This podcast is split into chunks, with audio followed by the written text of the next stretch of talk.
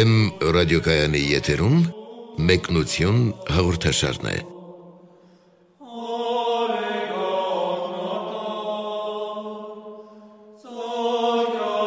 Սիրելի ունկնդիրներ, Վեմ ռադիոկայանի եթերում մեկնություն հաղորդաշարն է։ Ձեզ հետ են արժանապատիվ Տեր Մեսրոպ Քահանա Արամյանը եւ Արա Սարգսակյան Նալչաջյանը։ Այսօր կխոսենք Սուրբ Պողոս Առաքյալի Հռոմեացիներին ուղված թղթի 9-րդ գլխի մասին, որտեղից ընտրել ենք հետեւյալ բնաբանը. Դու ով ես, ով մարդ, որ հակառակվում ես Աստծուն։ Օշնյա Տեր հայր։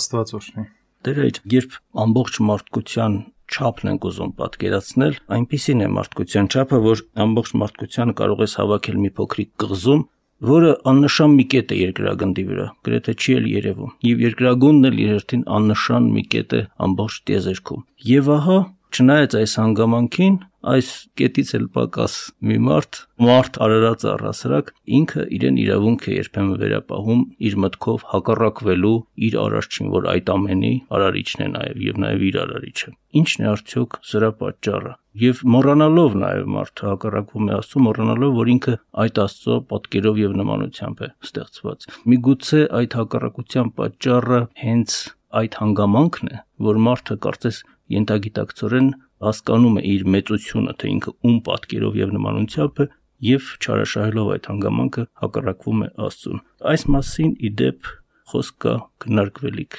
առաքելական թղթի գլխում։ Իրականության մեջ Աստծուն բացարձակապես հակառակվել հնարավոր չէ։ Հակառակությունը լինում է շատ հաճախ աստվածային օրենքների դեմ, որոշակի իրողությունների դեմ, բայց չես կարող հակառակվել Աստծուն այսինքն դու չես կարող բացարձակ ճարիքի իրավիճակում լինել։ Ճարիքը դա վիճակ է,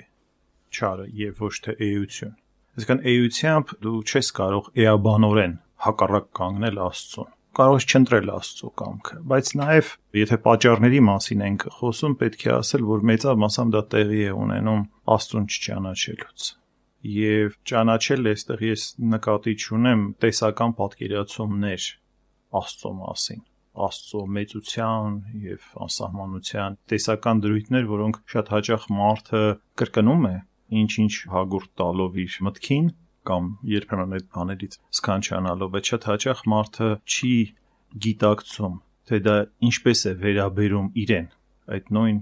մեծությունը, այդ նույն անսահմանությունը, չէ՞ որ այդ ամեն ինչը Աստծո մասին ասելով մենք Աստուն չենք մեծարում դրանով։ Եվ նույնիսկ դույզնինչ անգամ չենք արտահայտում իրականության մեջ Աստծո էությունը։ Նույնիսկ երբ որ նրա մասին ասում ենք, որ նա անսահման է, նույնիսկ երբ ասում ենք, որ նա սեր է եւ այլն, այս բառերը ի վիճակի չեն նկարագրելու Աստծո էությունը։ Մենք պետք է հասկանանք, որ այդ բոլոր բառերը նախ եւ առաջ մենք ասում ենք մեզ համար, որովհետեւ Աստված այդպիսի հպման կետեր ունի մեզ հետ ինքը մեր մեջ դրել է այդ անսահմանությունը ինքը մեր մեջ դրել է սիրո որոշակի չափանիշներ, ողորմության որոշակի չափանիշներ, եւ երբ որ մենք այդպիսի բառեր ենք արտահայտում, մենք արտահայտում ենք նախ եւ առաջ մեզ համար, որպեսի այն ամենը ինչ որ կա մեր մեջ ճիշտ ձևով աշխատի, որ ավելի ընկալունակ դառնանք Աստծուն։ Միևնույն ժամանակ հասկանալով, որ ոչ մի բառով, ոչ մի ձևակերպումով մենք չենք կարող չափել Աստծուն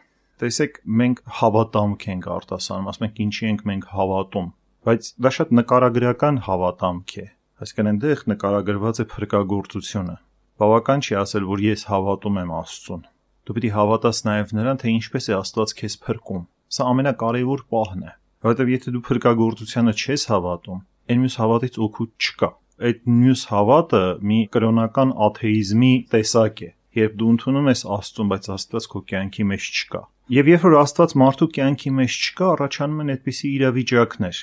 երբ այդ դատարկությունը լցվում է մեկ այլ բանով, որը կոչվում է ճարիք, եւ այդ ճարիքն է, որ մեր մեջ ըմբոստանում է։ Եվ մենք էլ պետք է նաև հասկանանք, որ այդ ճարիքը պարզապես վերացարկված մի չարություն չէ, դա շատ անznավորված է։ Դրանք որոշակի դիվային ուժեր են, որոնք դարձնում են հաճախ մեզ խաղալիք իրենց ձեռքին։ Ահա այն պատճառները,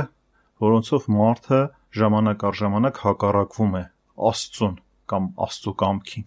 Տեր էր Պողոս Առաքյալը նախընթաց գլուխներում խոսելով օրենքի եւ շնորի հակադրության մասին, այսինքն շնորի հավատի օրենքի մասին եւ դրա նախապատվության մասին, որ փրկությունը դրանով է, այնուհետև խոսում է ճշմարիտ քրիստոնյաների գերազանց սիրո մասին, որ տածում են Աստծո հանդեպ։ Եվ այդ միտքը արտահայտելուց հետո անմիջապես դառնում եւ ասում է. Ճշմարիտ եմ ասում Քրիստոսով եւ չեմ ստում։ Խղճմտանքս է ինձ վկայում Սուրբ Հոգով, որ մեծ տրտմություն է ինձ եւ անհատնում ցավ իմ սրտին, որովհետեւ ես ինքս երթումով փափագում էի նզովել Քրիստոսից իմ ազգակից եղբայրների համար, որ իսրայելացիներն են։ Նրանցն է որդեգրությունը, փառքը, ուխտերը, օրենսդրությունը, պաշտամունքը եւ խոստումը, եւ նրանցն են նահապետները Նրանցից է նաև Քրիստոս ըստ մարմնի, եւ նա է բոլորի վրա հավիտյանս օրհնյալ Աստված։ Գիտենք, որ հрьяները ըստ էության իրենց մեծամասնության մեջ չընդունեցին Քրիստոսին, եւ ահա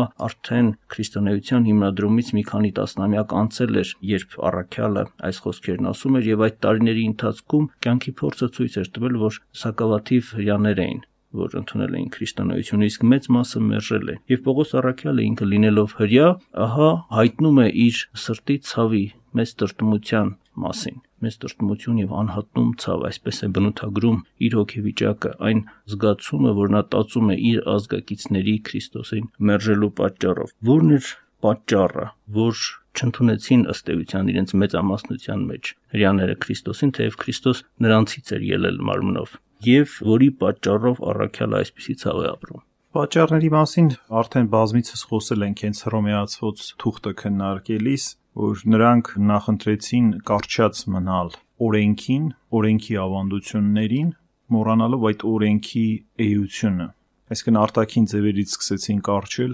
մոռանալով Աստծուն։ Սա հրեականությանը նետված ամենամեծ դատապարտությունն էր։ Եվ դա բազմիցս հնչել է Տիրոջ շուրթերից ավետարանում որ նրանք ընկած են օրենքի տառի հետևից եւ ոչ թե իրական աստծուն են փնտրում։ Կանոններն են պահպանում, բայց արդեն էությունն են կորցրել։ Բայց նրանց միջոցով կարևոր ավանդություններ են փոխանցվել, որի մասին առաքյալը խոսում է, բայց առաքյալի այս խոսքում շատ հետաքրքրական է հետեւյալը, ասում է, որ ինքս երթումով փափագում էի նզովել Քրիստոսից իմ ազգակից եղբայրների համար։ Հենց դրանում է խնդիրը։ Եվ եկեղեցու հայրերը հատկապես այս հատվածը մանրակրկիտ կերպով մեկնում են դեր այր։ Խնդրեմ բարձաբանեք, ինչ է նշանակում այդ նզովքը։ Գիտենք, որ քիչ առաջ հենց նախորդ գլխում Մարաքյալը խոսում էր իր գերազանց սիրո մասին։ Քրիստոսի հանդեպ եւ ահա հենց հիմա շուռ է գալիս եւ ասում թե ես կամենում եմ նզովվել Քրիստոսի կողմից։ Կարծես թե նույն մարդը չէր, որ քիչ առաջ մեկ այլ միտք էր հայտնում, հիմա մեկ այլ միտք է հայտնում։ Ինչու՞մն է խնդիրը։ Սա նույնպես մեծագույն սիրուցուցանիշ է։ Բայց սերը абստրակտ չի լինում։ Եթե դու իսկապես քո եղբայրներին չես սիրում, շատ դժվար է հավատալ, որ դու երբևիցե Աստծուն պիտի սիրես։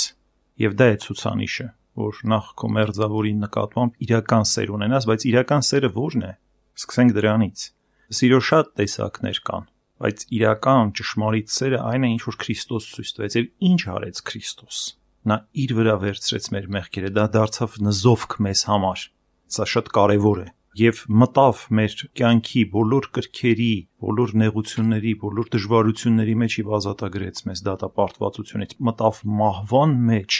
ազատագրեց մահվան դատապարտությունից։ Մեր չարչարանքները վերցրեց իր վրա։ Եվ Պողոս Առաքյալը ուզում է այստեղ նմանվել Քրիստոսին։ Սա քրիստոսանմանության ուղակի մի պորտկում է։ Ոչ թե նա ուզում է ասել, որ ես ուզում եմ Քրիստոսից հեռանալ, ասում է ինչպես Քրիստոս իր վրա վերցրեց այդ մեղքի անեծքը դարձավ նզովք մեզ համար ես էլ կուզենայի եւ թեական բան կա չի ասում հենց այդպես արեցի ասում ուզում էի այդպես լինել ուզում էի նմանվել Քրիստոսին իմ եղբայրների համար սա մեծագույն սիրո դրսևորում է երբ դու պատրաստ ես հանուն ուրիշների քո կյանքը զոհել, ինքդ քեզ զոհել, բայց ոչ թե պարզապես ուրիշների բարեկեցության համար։ Ինչն է Պողոս Առաքյալի նպատակը՝ իր եղբայրների փրկությունը։ Իդեպ նման մի միտք հայտնում էր նաև Մովսես Մարգարեն, երբ Աստծո ներկայության մեջ էր Աստվածային հայտնություններ ստանում, ահա այդպիսի խոսքեր է ուղում Աստծուն։ Այո, եւ սա պետք է իսկապես դիտել քրիստոսանմանության մի բարձրագույն դրսևորում եւ դու պատրաստ ես քեզ նույնիսկ ինչ որ առումով հավիտենական տարապանքների դատապարտել շատ հաճախ մարդիկ այդպիսի բաների մասին խոսում են կիսա առասպելական հեքիաթային պատկերացումներով բայց Պողոս Արաքյալը գիտեր թե ինչ գնի մասին է խոսքը ասում է եւ ես կամենում էի այդպիսին լինել հանուն իմ եղբայրների փրկության։ Գիտեր եւ այդուհանդերձ համաձայներ միայն թե մարդիկ փրկվեն։ Իր ազգակիցները եղբայրները փրկվեն։ Ինքը մի քանի այլ տեղերում այս միտքը իր թղթերում եւս արտահայտում է։ Սա բարձրագույն սիրո դրսևորում է եւ եթե ուզում եք իմանալ հայրենասիրության ամենաբարձր դրսևորումն է Իհարկե շատ կոնտրաստներով է խոսում Պողոս Արաքյալը։ Այսինքն ընդհանրապես չի կարելի Պողոս Արաքյալի նույնիսկ մի գլխի մի հատված առանձնացնել այդ գլխի հետագա զարգացումներից։ Հետո ինքը ցույց է տալիս նորից թե ինչ է Աստծո ժողովուրդ լինելը, ինչ է եղել այդ ընտրության իմաստը, ինչպես են նորից հрьяաները սխալ հասկացել թե որն է իրենց ավանդությունը եւ որն է Աստծո նոր ժողովուրդը։ Այսինքն այստեղ հрья պաշտության մասին Պողոս Արաքյալի կողմից խոսք լինել չի կարող։ Նա պարզապես մի հատ մտահոգություն է արտահայտում տեսնելով իր եղբայրների դեպի կործանում գնալը, ասում է ես պատրաստ եմ իմ անձը դնեմ, որ նրանք դեպի կործանում չգնան։ Եվ այդ հարցերին քիչ անց մենք կանադառնանք Տեր այր, բայց ոչ այդ խնդրեմ բացատրեք նզովք բառը, ինչ իմաստով է գործածվում այստեղ։ Համաձայն բառարանային բացատրության նզովք նշանակում է բանադրանք, անաթեմա, կտրում հերացում եկեղեցուց։ Կոնկրետ այս պարագայում նզով կասելով արդյոք նման խստություն նկատի ունի Պողոս Արաքյալը։ Այդպես է այդ բառը մեկնաբանվում։ Ինքը ուղղակի նշանակում է բաժանվել, հեռանալ, օտարանալ, որպես անսրբություն դուրս դրվել սրբությունից։ Իր մեջ նաև ունի անեծք կրելու երանգներ եւ այլն, բայց նզովքը անաթեման հունարեն հենց այդ նշանակությունը ունի։ Նաև առաքյալը այստեղ ասում է հрьяաների մասին, թե նրանցից է նաև Քրիստոս ըստ մարմնի, եւ այս հանգամանքը նկատի ունենալով այս օբյեկտիվ հանգամանքը, որ իսկապես Քրիստոս ծնվել էր Սուրբ Գույց Մարիամ Աստվածածնից, որը հрья էր ազգությամբ, եւ այս հանգամանքը որպես փաստարկ բերելով խոսում են Քրիստոսի ազգության մասին, եւ այստեղ հարցը առաջանում, թե կարող է արդյոք մարդացյալ Աստվածորդին ազգություն ունենալ ընդհանրապես եւ մասնավորապես լինել հрья ընդհանրապես անհեթեթություն է Քրիստոսի ազգության մասին խոսել, որովհետև նա Աստված էր նախ եւ առաջ եւ Աստված է մարդանում եւ ոչ թե մարդն է Աստվածանում։ Ես ուզում եմ, որ այս հանգամանքը մենք ֆիքսենք մեր մեջ եւ Քրիստոս մարմնանում է ոչ թե ինչ որ կոնկրետ ազգի, կոնկրետ մարդու կամ մարդկանց խմբի համար, այլ համայն մարդկությանը այդ փրկությունը տալու համար։ Այն որ ինքը պետք է ինչ որ մեկից մարմին առներ Եվ այդ մեկն էլ բնական է, որ ինչ որ ազգի ներկայացուցիչ պետք է լիներ, դա ոչ մի հպարտության առիթ այդ ազգին չի տալիս, որովհետև ինքը լինելով այդ ազգից մարմնավորված, ինքը ամենամեծ դատապարտությունն էլ այդ ազգին նետում է ասելով, որ դուք պահպանելով օրենքը մոռացել եք Աստծուն եւ ինքն էլ հենց դրա համար էր հայտնվել եւ նախապես զգուշացնելով, որ ինձ նոր ազգ պետք է ընտրեմ, որը հոգով եւ ճշմարտությամբ պետք է ինձ երկրպագի, երկրպագության բոլոր ձևերը արդեն հնացել են եւ արդեն աստվածահաճո չեն։ Աստված կամենում է այնպիսի մի ժողովուրդ, որը հոգով եւ ճշմարտությամբ իրեն երկրպագում է։ Սամարացի կնոջ հետ խոսակցության ժամանակ Քրիստոս այս հանգամանքը շատ հետաքրքիր կերպով բացահայտեց։ Էնպես որ այստեղ հպարտության որևէ առիթ չկա, ուղակի հպարտանալու եւ հрьяաները այդ հանգամանքով չեն էլ հպարտանում այդ հակառակությունը Քրիստոսի նկատմամբ շարունակվում է մինչև այսօր։ Եվ մինչ օրս մոլորեցուցիչ է համարվում Քրիստոս նրանց մեծամասնության կողմից։ Չէ՞ որ կան նաև փոքրաթիվ քրիստոնյա հрьяաներ։ Չեմ ուզում այս խոսակցության մեջ մենք այնպիսի տպավորություն ստեղծենք, որ մենք հрьяաների նկատմամբ ինչ որ բան ունենք Դա սխալ է ընդհանրապես, որովհետև այնտեղ փոքրամասնությամբ, բայց կան նաև քրիստոնյաներ, այնտեղ կան շատ արդարամիտ մարդիկ եւ այլն, այսինքն այս կրոնական ֆանատիզմի հետևորդների քանակը այդպես մի ճնշող մեծամասնություն չէ նրանց մեջ, բայց նրանք տոն են տալիս։ Շատ հաճախ, ասենք, աշխարհիկ մտածողություն ունեցող մարդիկ նույն Իսրայելում, երբ որ նրանց հետ զրուցում ես, սարսափում են, ասենք, եթե այդ ամեն ինչը գերիշխող դառնա Իսրայելում, իրենց հետ ինչ է լինելու։ Այսինքն այսօր մեծամասնությունը այնտեղ սարսափում է փոքրամասնության այսպես դինամիկ զարգացումից։ Բայց այնուամենայնիվ, ասենք, նրանք շատ ֆանատիկորեն են ընդդիմանում Քրիստոսին եւ հայույում բառից բուն իմաստով եւ ինտերնետի վրա սարսափելի հայոյանքներով խոսում են Քրիստոսի մասին եւ Հարապես անարգում են քրիստոնյաներին եւ այդ հակառակությունը ուզում եմ ասել, որ մինչեւ այսօր շարունակում է դա ամենևին էլ իրենց համար հպարտության առարկա չէ։ բայց նաև սա ցույց է տալիս, որ ասենք այդ ռեյության մեջ կար պահպանված մի կարևոր սրբության գիծ, որը սերնդեսերունդ տվեց կուտակում եւ ահա ծնվեց այն մի մեծ մեծությունը Մարիամ Աստվածածինը, որը ամբողջ մարդկության կողմից կարող պիտի լիներ այդ մեծագույն պատիվը կրելու հղանալու տիրոջով եւ ծննդաբերելու Հիսուսին եւ դա սերնդե սերունդ կուտակվող սրբության արդյունք է եղել Այսինքն ամբողջ հրեության մեջ իրենց իսկ կողմից մոռացված, իրենց իսկ կողմից արհամարված մի գիծ է պահպանվել սրբության, մի ներքին աստված պաշտության կարևոր մի բան, որ իրենք արտակնապես որպես արդեն ժողովուրդ կորցրել էին, որի արդյունքում ծնվեց Մարիամ Աստվածածինը։ Շատ հաճախ ասում են, ո՞րն է հրեության իմաստը։ Ասում եմ, եթե ուշադիր կարդաք Սուրբ Գիրքը, կտեսնեք, որ այդ իմաստը Մարիամ Աստվածածին ունենալն էր որը եւ եղավ Տիրոջ մայրը։ Եվ փաստորեն որևէ մարդ կարծեմ թե կարող է Պողոս Առաքյալից օրինակ վերցնել, ինչպես նա իր ազգակիցների համար ոչ թե նրանց ատում էր, ոչ թե չարախնդում էր այդ հանգամանքի համար, որ նրանք մեծամասամբ մերժում են Քրիստոսին, այլ անհատնում ցավ էր ապրում իր մեծ առաքելական սրտով այս հանգամանքի համար։ Շատ կարևոր է, որ դու երբեք քո եղբայրներին չդավաճանես։ Հիմա էլ տեսնում ենք, ասենք, շատ հաճախ հայերը մեկ էլ հեռանում են Հայաստանից, գնում են ուրիշ ժողովուրդների մեջ տարալուծվում են ու հետո սկսում են իրենց ազգը, պատմությունը արհամարել եւ երբեմն հայել կամ գնում են այլ եկեղեցու անդամ են դառնում, մեզ անվանում են մոլորիալներ եւ այլն եւ այլն։ Այ Պողոս Արաքյալի մոտ դա չկա սա շատ կարևոր հանգամանք է ինքը գիտի որ նրանք ընդդիմանում են նույնիսկ հայոյում են նույնիսկ չարախոսում են նույնիսկ պատրաստ են իրեն մահվան դատապարտելու եւ ի վերջո Հռոմի հрьяաները պատճառ եղան այդ գրգռությունների եւ այլն, որ հենց առիթ հանդիսացավ երկու առաքյալների նահատակության։ Եվ քանիցս ուզեցին հա։ իսկապես սպանել Պողոս առաքյալին, անգամ ուխ տարեցին, որ հաց չուտեն, ջուր չխմեն, ինչեւ որ չսպանեն։ Ուրեմն իմանալով այս ամենը, ինքը ունի մեծագույն սեր այդ մարդկանց նկատմամբ։ Այսինքն դու ունես որոշակի պատկանելություն, ես սա ուզում եմ որ մեր ունկնդիրները ուշադիր լսեն, եւ դու միշտ պարտական ես քո պատկանելությանը անկախ նրանից դա ինչ վիճակում է գտնվում այսօր մենք անընդհատ խոսում ենք դժգոհում ենք անընդհատ նվնվոց մեր ազգի մասին անընդհատ փնովում ենք մենք վատն ենք մենք վատն ենք չի կարելի այդպես Եվ Պողոս Արաքյալի այս խոսքերը լավագույն ուսուցումն են ցանկացած մեկի համար, թե ինչպես պետք է վերաբերվես դու քո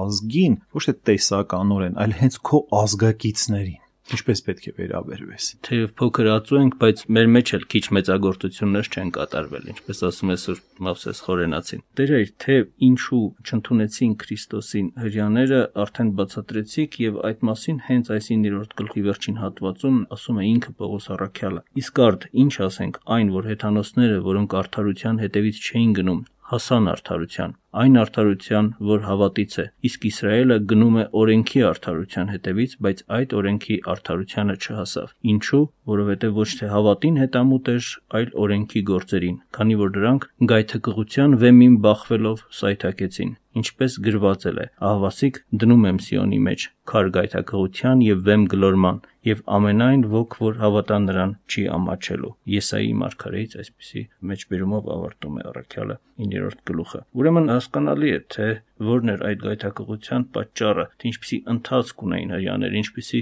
մտայնություն, որի պատճառով էլ գայթակղվեցին եւ չընդունեցին Քրիստոսին։ Սակայն սա մարդկային կողմն է Տեր այր, թե մարդիկ ինչու այսպես վարվեցին։ Կա նաեւ աստվածային կողմը, թե ինչու Աստված այսպես վարվեց։ Եվ առաքյալը մի ընդարձակ հատվածով այս 9-րդ գլխում բացատրություններ է տալիս, որի վերաբերյալ դարձյալ կան հայրաբանական բացատրություններ, մասնավորապես Սուրբ Եփրեմ Խորիասորին, Սուրբ Հովան Ոսկեբերանը, այլ եկեղեցական նշանավոր հայրեր բացատրում են, թե ինչու այնպես պատահեց, որ հрьяաները մեծամասամբ չընդունեցին Քրիստոսին, եւ սակայն այդ հանգամանքը նրանց չընդունելը առիթ հանդիսացավ նրա, որ հեթանոսները ընդունեն Քրիստոսին։ Իսկ հрьяները իրենց թվականակով շատ ավելի քիչ էին, քան մնացած ազգերը, որոնք հետանոսներ են կոչվում, որոնք բյուրապատիկ անգամ ավելի մեծ են իրենց թվով։ Խնդրեմ բարձրաբանեք այս հանգամանքը դերայր աստվածային տեսանկյունից։ Ինչ էր նշանակում հрьяների մերժումը եւ հետանոսների ընդունումը։ Նախ հասկանանք ինչ է նշանակում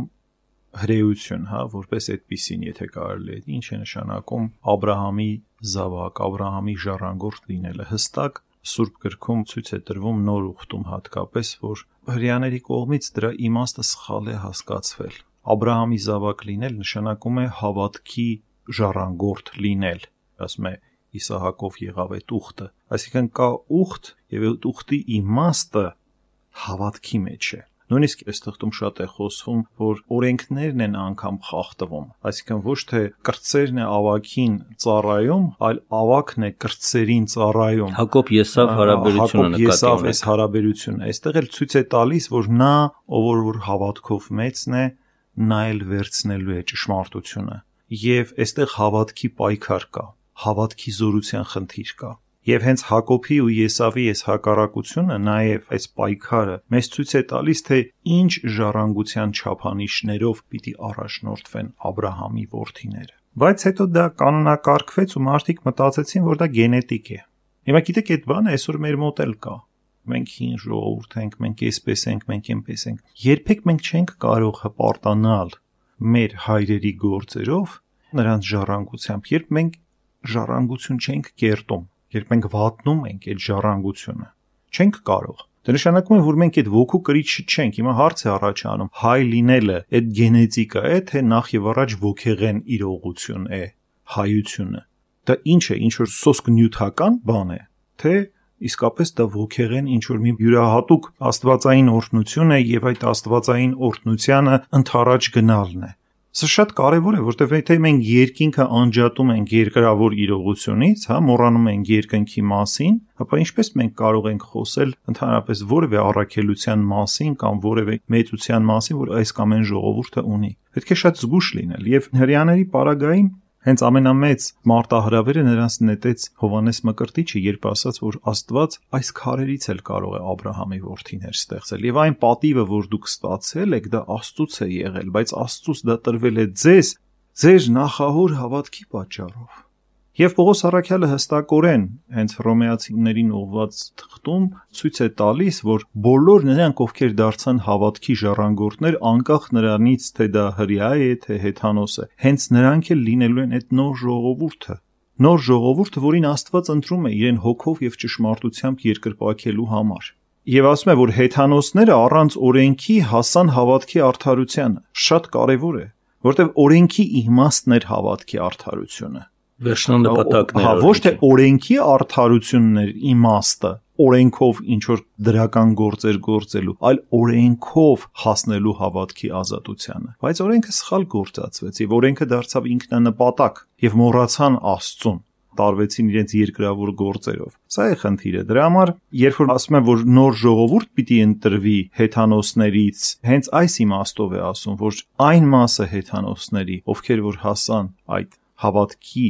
արդարությանը, հավատքի ազատությանը հենց նրանք էլ կլինեն այն ժողովուրդը, որին Աստված ընտրել է իրեն ապաշտելու համար։ Տերը իր խոսելով Աստվածային նախասահմանության մասին Պողոս Արաքյալը բացատրում է, որ թեև այսպիսի խոստումներ, այսպիսի առանձնահատկություններ ուներ հрья ազգը, հрья ժողովուրդը Աստծո կողմից, սակայն ի վերջո Քրիստոսի հավատքի առումով նրանք գայթակղվեցին եւ չընդունեցին Քրիստոսին եւ դա Աստծո նախասահմանությամբ էր որ եղավ եւ բնականաբար որ չի ընդունում Քրիստոսին ինքն իրեն դուրս է դնում Աստվածային փրկagorցությունից եւ շատ աննպաստ եւ կործանարար մի վիճակի մեջ է դնում եւ սակայն եթե Աստվածային նախասահմանությունն է այսպես սահմանել, որ այսպես պետք է լինի։ Այլևս ո՞րն է այն մեղադրանքը, որ ուղվում է Քրիստոսին չընդունողներին։ Չէ՞ որ եթե Աստված սահմանել է,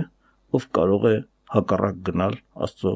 կամքին։ Ուրեմն այդպես էլ պետք է լիներ, այլևս ինչու է մեղադրանք ներկայացվում Քրիստոսին չընդունողին։ Աստծո նախասահմանության դա շատ սխալ ընկալում է։ Աստծո նախասահմանությունը կամ Աստծո ամենատեսությունը երբևիցե մարդու կամքը չի սահմանափակում։ Եթե ամեն բան նախասահմանված է, մենք այլևս անելու բան չունենք։ Դրանով մենք կընկնենք ուղակի արդեն ճակատագրապաշտության եւ այլ երևույթների մեջ, որին գիտեք կտրականապես դեմ է քրիստոնեական եկեղեցին ամբողջ աստվածաբանությունը, ամբողջ Սուրբ Գիրքը խարսխված է մարդու կամքի ազատության գաղափարի վրա եւ մենք տեսնում ենք, որ Աստված խոսում է մարդու հետ, զրուցում է, երբ Աբ รา համը խնդրում էր չկործանել Սոդոմը եւ Գոմորը, Աստծուն ասելով, եթե այնտեղ այսքան մարդ կա, արդար, միթե կկործանես, նա ասում էր, որ եթե այդքան լինի, չեմ կործանի։ Այսինքն մենք տեսնում ենք, որ մարդը խոսում է Աստծո հետ եւ խնդրում է Աստծուց եւ Աստված ընդառաջ է գնում մարդու կամքին եւ նույնպես էլ Աստված ասեց, որ կործանեմ այս խստապարանոց ժողովրդին։ Աստված կամեցավ հрьяաներին կործանել, եւ ով խնդրեց, որպեսի դա չլինի Մովսեսը, շատ թախանձագին խնդրեց Աստծուց, ասելով, որ պիտի ողորմած լինես Տեր, եւ ինչ իմաստ կար այս ամենը անելու, եթե պիտի բերեիր նրանց եւ այստեղ կոտորեիր, որտեւ Աստված ասեց՝ «Արի քեզանից մաքուր ազգ ստեղծեմ» ըստ քո հավատքի, բայց Մովսեսը նորից խնդրեց իր եղբայրների քույրերի համար եւ Աստված լսեց Մովսեսի խոսքերը։ Ուրեմն Աստծո նախասահմանությունը պետք չէ սխալ հասկանալ։ Աստծո նախասահմանությունը նրա ամենատեսությունն է։ Դա նրա բարի կամքն է։ Ուզում եմ ասել, որ երբ մենք Աստծո մասին խոսում ենք, դա ժամանակային արարած չէ, այսինքն նրա համար հետոն, անցյալը եւ ներկան նույն բանն են նրա տեսողության մեջ։ Այդ մենք ենք, որ անցյալի մասին մտածում ենք որպես անցյալ, ապագայի մասին ապագա, Աստված այդպիսի հատկություններ չունի մարդկային հատկություններ, Աստված ամեն ինչ տեսնում է միաժամանակ։ Հիմա ասենք, որ եթե Աստված տեսնում է ամեն ինչ միաժամանակ, ուրեմն ամեն բան վերջացած է, մենք անելու որևէ բան չունենք, Աստծո տեսողությունը ինչով է խանգարում մեզ, որ մենք գործենք եւ գործենք բարին։ Այո։ Տերը նաև այսպիսի մի հինկտակարանյան մեջ բերում է արվում նարակելական թղթի այս հատվածում։ Պիտի ողորմեմ ում ողորմելու եմ եւ պիտի գթամ ում գթալու եմ։ Եվ ավելացնում է առաքյալը. ուրեմն դա կախում չունի նրանից ով կամենում է եւ ոչ էլ նրանից ով ջանում է, այլ Աստծուց, որ ողորմում է։ Այսինքն այդ ողորմությունը Աստծո մարդու հանդեպ կախված չէ, ասում է, մարդկային մտածումներից, կամքից կամ ջանքից, այլ Աստծոց է կախված, նրանից, որ ողորմում է։ Եթե Աստված չողորմի, այդ ողորմության ակտը տեղի չի ունենա, ինչքան ուզում է մարդը կամենա կամ ջանի։ Այսինքն Աստծո կամքից է կախված։ Այս հանգամանքը ինչպես կարելի է տարածել համաշխարային մակարդակով ամբողջ մարդկության վրա։ Ստացվում է, որ ամբողջ մարդկությունը երկու հատվածի է բաժանվում, որոնց մի մասին Աստված ողորմում է եւ մյուսներին չի ողորմում, այլ արդարությամբ է դատում ըստ իրենց գործած գործերի, այդպես է ստացվում։ Ոչ։ Նախ Աստված ողորմում է բոլորին։ Այստեղ ավելի ճիշտ կլիներ ասել, որ իմ ողորմությունը թողնում եմ նրանց վրա շարունակաբար ում կամենում եմ եւ վերցնում եմ նրանցից ում չեմ կամենում, որովհետեւ բոլոր մարդիկ էլ եթե այս աշխարհում ապրում են, դա Աստծո ողորմածության արդյունք է։ Եթե Աստված մի պահ իր ողորմածությունը վերցնի մեր վրայից, իր պահապանությունը վերցնի որևէ մեկի վրայից, նրան այդ ընդդիմամարտ ուժերը կհոշոտեն, կոչնչացնեն։ Այսինքն կա Աստծո պահպանական զորությունը մարդու վրա, մարդ արարածի վրա։ Պարզապես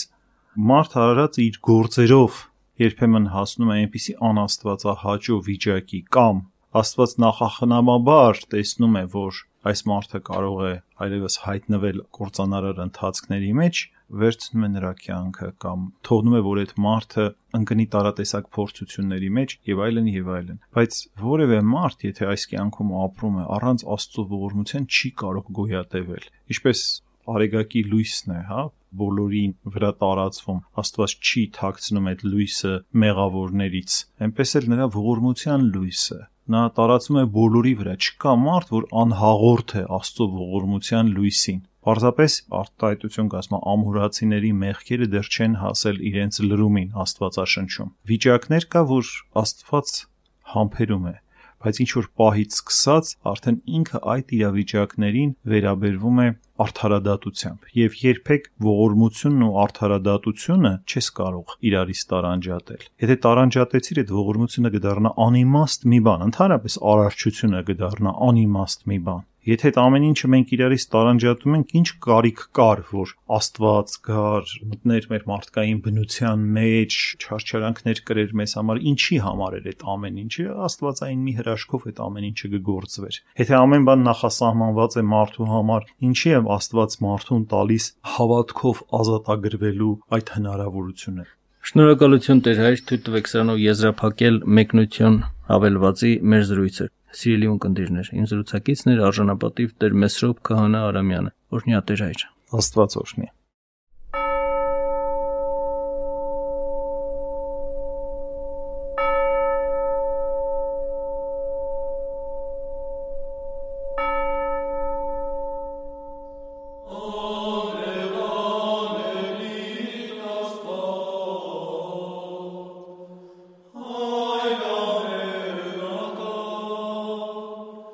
Վեմ ռադիոկայանի եթերում մեկնություն հաղորդաշարներ։ Զրույցը վարեց Արաս Սարգսակյան Նալչաջյանը։